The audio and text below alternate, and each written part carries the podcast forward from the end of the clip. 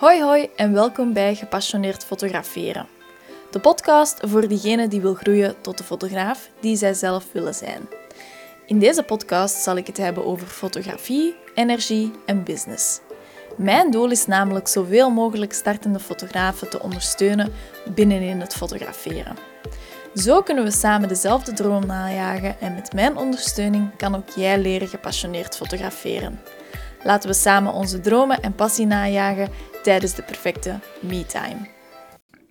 Hallo, welkom bij waarschijnlijk de um, allerkortste podcastaflevering die dat ik tot hiertoe gemaakt heb. Um, maar ik zou heel graag een korte maar krachtige boodschap met u willen delen om u te inspireren vandaag, om u in gang te zetten, om u niet te laten aanmodderen, want ik merk uh, dat een belemmerende overtuiging heel snel gemaakt is in je hoofd. En uh, dat wanneer dat je daar constant mee bezig bent met die belemmerende overtuiging, dat je ook gewoon niet uh, van start geraakt. Nu, um, zoals je misschien wel zal weten, ben ik zwanger. In mei heb ik, ja, ben ik uitgerekend. Dus zal er een eerste kindje aankomen.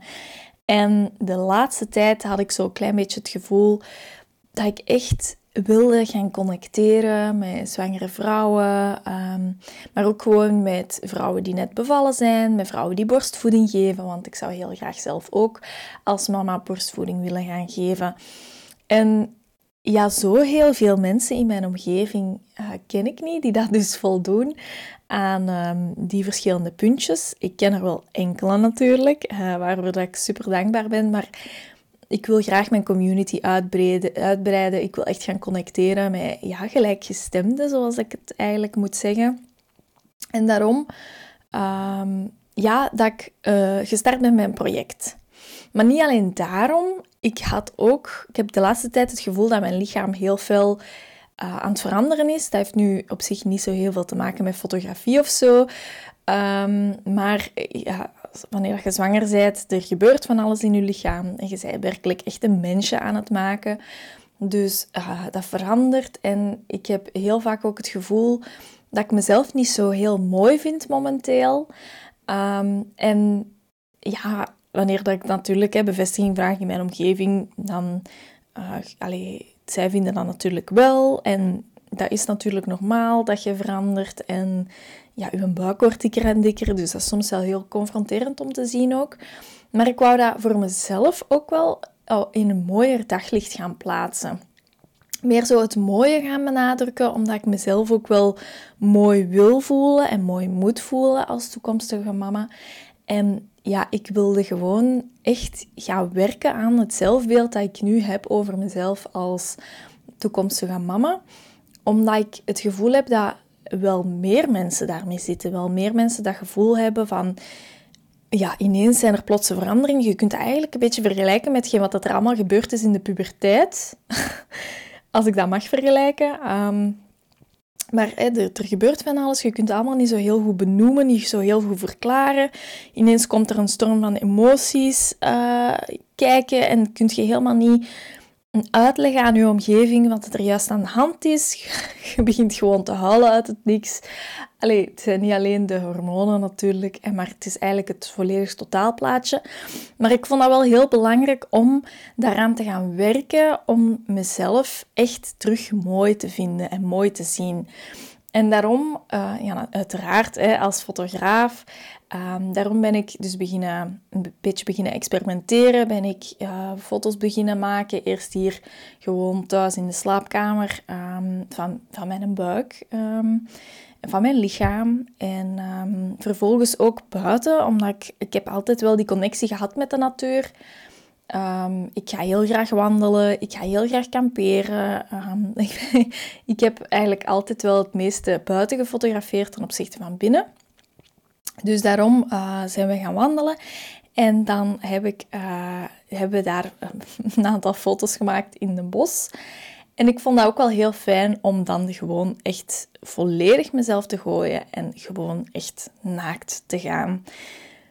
Dat was uitdagend, dat was uit mijn comfortzone. Um, maar op zich, op die beelden, um, het is niet dat je een, een tepel ziet of zo. Dat is heel deftig gebeurd. En um, het is ook heel mooi geworden. Ik vind mezelf heel mooi als ik kijk naar die beelden. En dat is hetgeen wat ik eigenlijk alle mama's toewens. Uh, mooi vinden. Uzelf mooi vinden als je net een baby gemaakt hebt, maar ook als je een baby aan het maken bent. Klinkt zo raar, maar eigenlijk gedurende heel het proces als mama. Uzelf dan mooi vinden, en, want het is zoiets mooi, een kindje maken en een kindje ter wereld brengen en uw eigen vlees en bloed kunnen opvoeden. Dat is super mooi. En ik vind gewoon dat ik uh, op die manier echt een ode wil gaan brengen aan het moederschap. Voor mezelf, maar ook voor anderen, voor uh, gelijkgestemden, voor mensen waarmee dat kan connecteren. Want voor mij, die vrouwen in beeld kunnen brengen, is ook uh, een gedeelte ja, van, van connectie. We kunnen eens babbelen. Allee, ik vind het altijd heel fijn om uit te wisselen. Van, hoe pakte dat aan en hoe pakte jij dat aan? Allee, zo dat sparren, dat, dat zit sowieso altijd wel diep in mij. het tetteren op zich. Hè.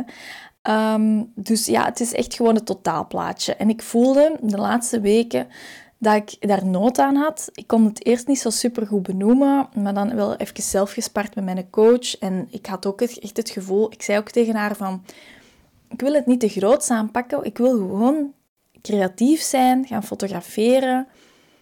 En ja, niet te veel druk opleggen op mezelf ook niet.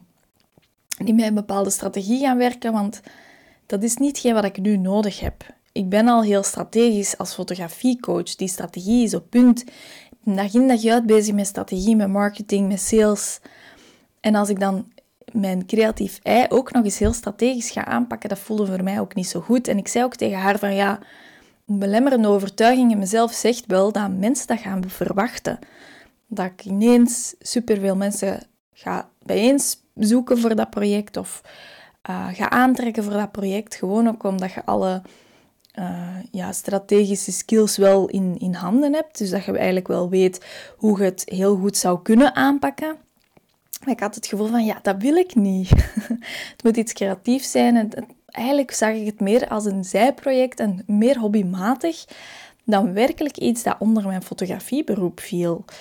En ze zei ook tegen mij van, ja, maar je, hoeft dat ook helemaal niet te doen. Je moet ook niet gaan verwijzen, bijvoorbeeld, als je verschillende accounts hebt en naar het andere account. Je moet eh, niet altijd laten weten waar dat je achter de schermen mee bezig bent dat kan wel zijn dat dat een projectje wordt voor u, voor mensen die dat er interesse in hebben, om bijvoorbeeld ook gewoon te kijken naar die beelden. En want dat is natuurlijk ook wel een beetje een doel, uh, buiten dan de connectie en zo verder.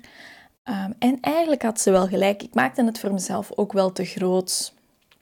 En dan, uh, ja, natuurlijk, deze week heb ik dan een oproep gedaan. En heb ik al heel wat mensen leren kennen.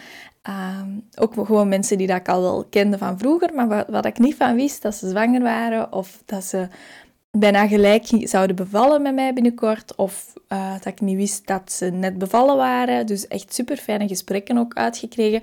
Mijn doel op zich is el keihard bereikt. Ook al ben ik nog niet met hen naar buiten gegaan uh, om, om beelden te maken. Dus dat onderdeel moet allemaal nog komen. Maar eh, ja, ik vind het gewoon zo fijn om dit nu te doen. Ik vind het zo fijn om daar zo gewoon creatief mee bezig te zijn. En uh, een van mijn coaches, die in mijn 1 op 1 traject uh, zat, zei ook dat ze het heel mooi vond waar ik mee bezig was. Gewoon ook omdat het haar het idee gaf van, ja, je hoeft eigenlijk je hele bedrijf of je hele leven niet uit te stippelen.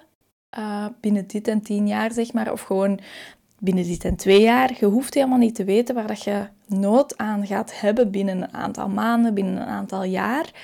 En dat is ook wel effectief de boodschap dat ik aan u zou willen meegeven. Kijk naar mijn eigen verhaal. Ik voel de nood om zoiets creatief te doen. Ik doe dat dan ook. Ik doe dat misschien soms wel te impulsief. Maar dat heb je al gehoord aan mijn vorige afleveringen.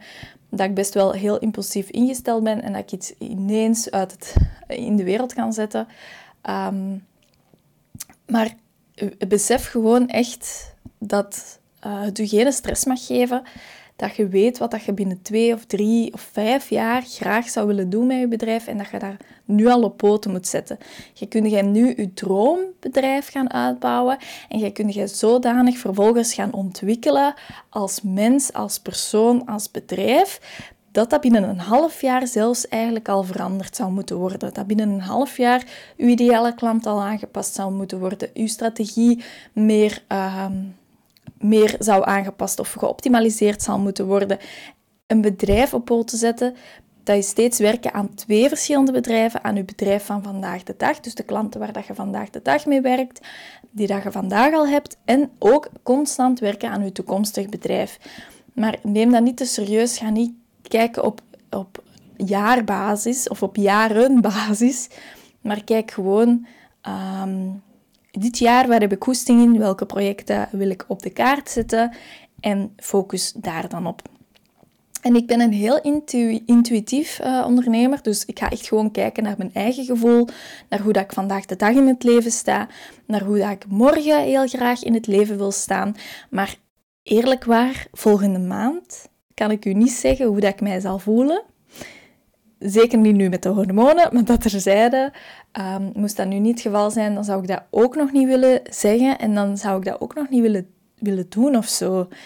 Ik wil echt kunnen rekening houden met mijn intuïtie, echt kunnen rekening houden met mijn gevoel.